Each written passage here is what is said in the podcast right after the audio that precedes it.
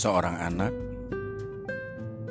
belum pernah menjadi orang tua, tapi orang tua pasti sudah pernah menjadi seorang anak. Sebuah kalimat yang menginspirasi, yang memberikan pemikiran bahwa saat kita menjadi seorang anak,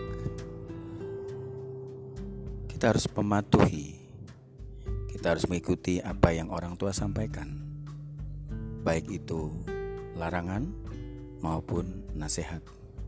Kenapa? Karena orang tua pernah menjadi anak.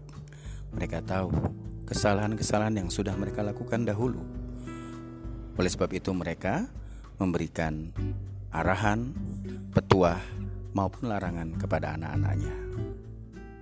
Namun kontradiktif, di mana umumnya anak-anak membantah atas nasihat, anjuran, ataupun larangan dari orang tua mereka. Butuh kerjasama yang baik antara orang tua dan anak. Butuh komunikasi yang luar biasa intens. Kadang sedikit perlunya orang tua menjadi sahabat bagi anak-anaknya, namun tetap menjaga kredibilitas sebagai orang tua agar anak-anak tetap menghargai bahwa mereka punya orang tua.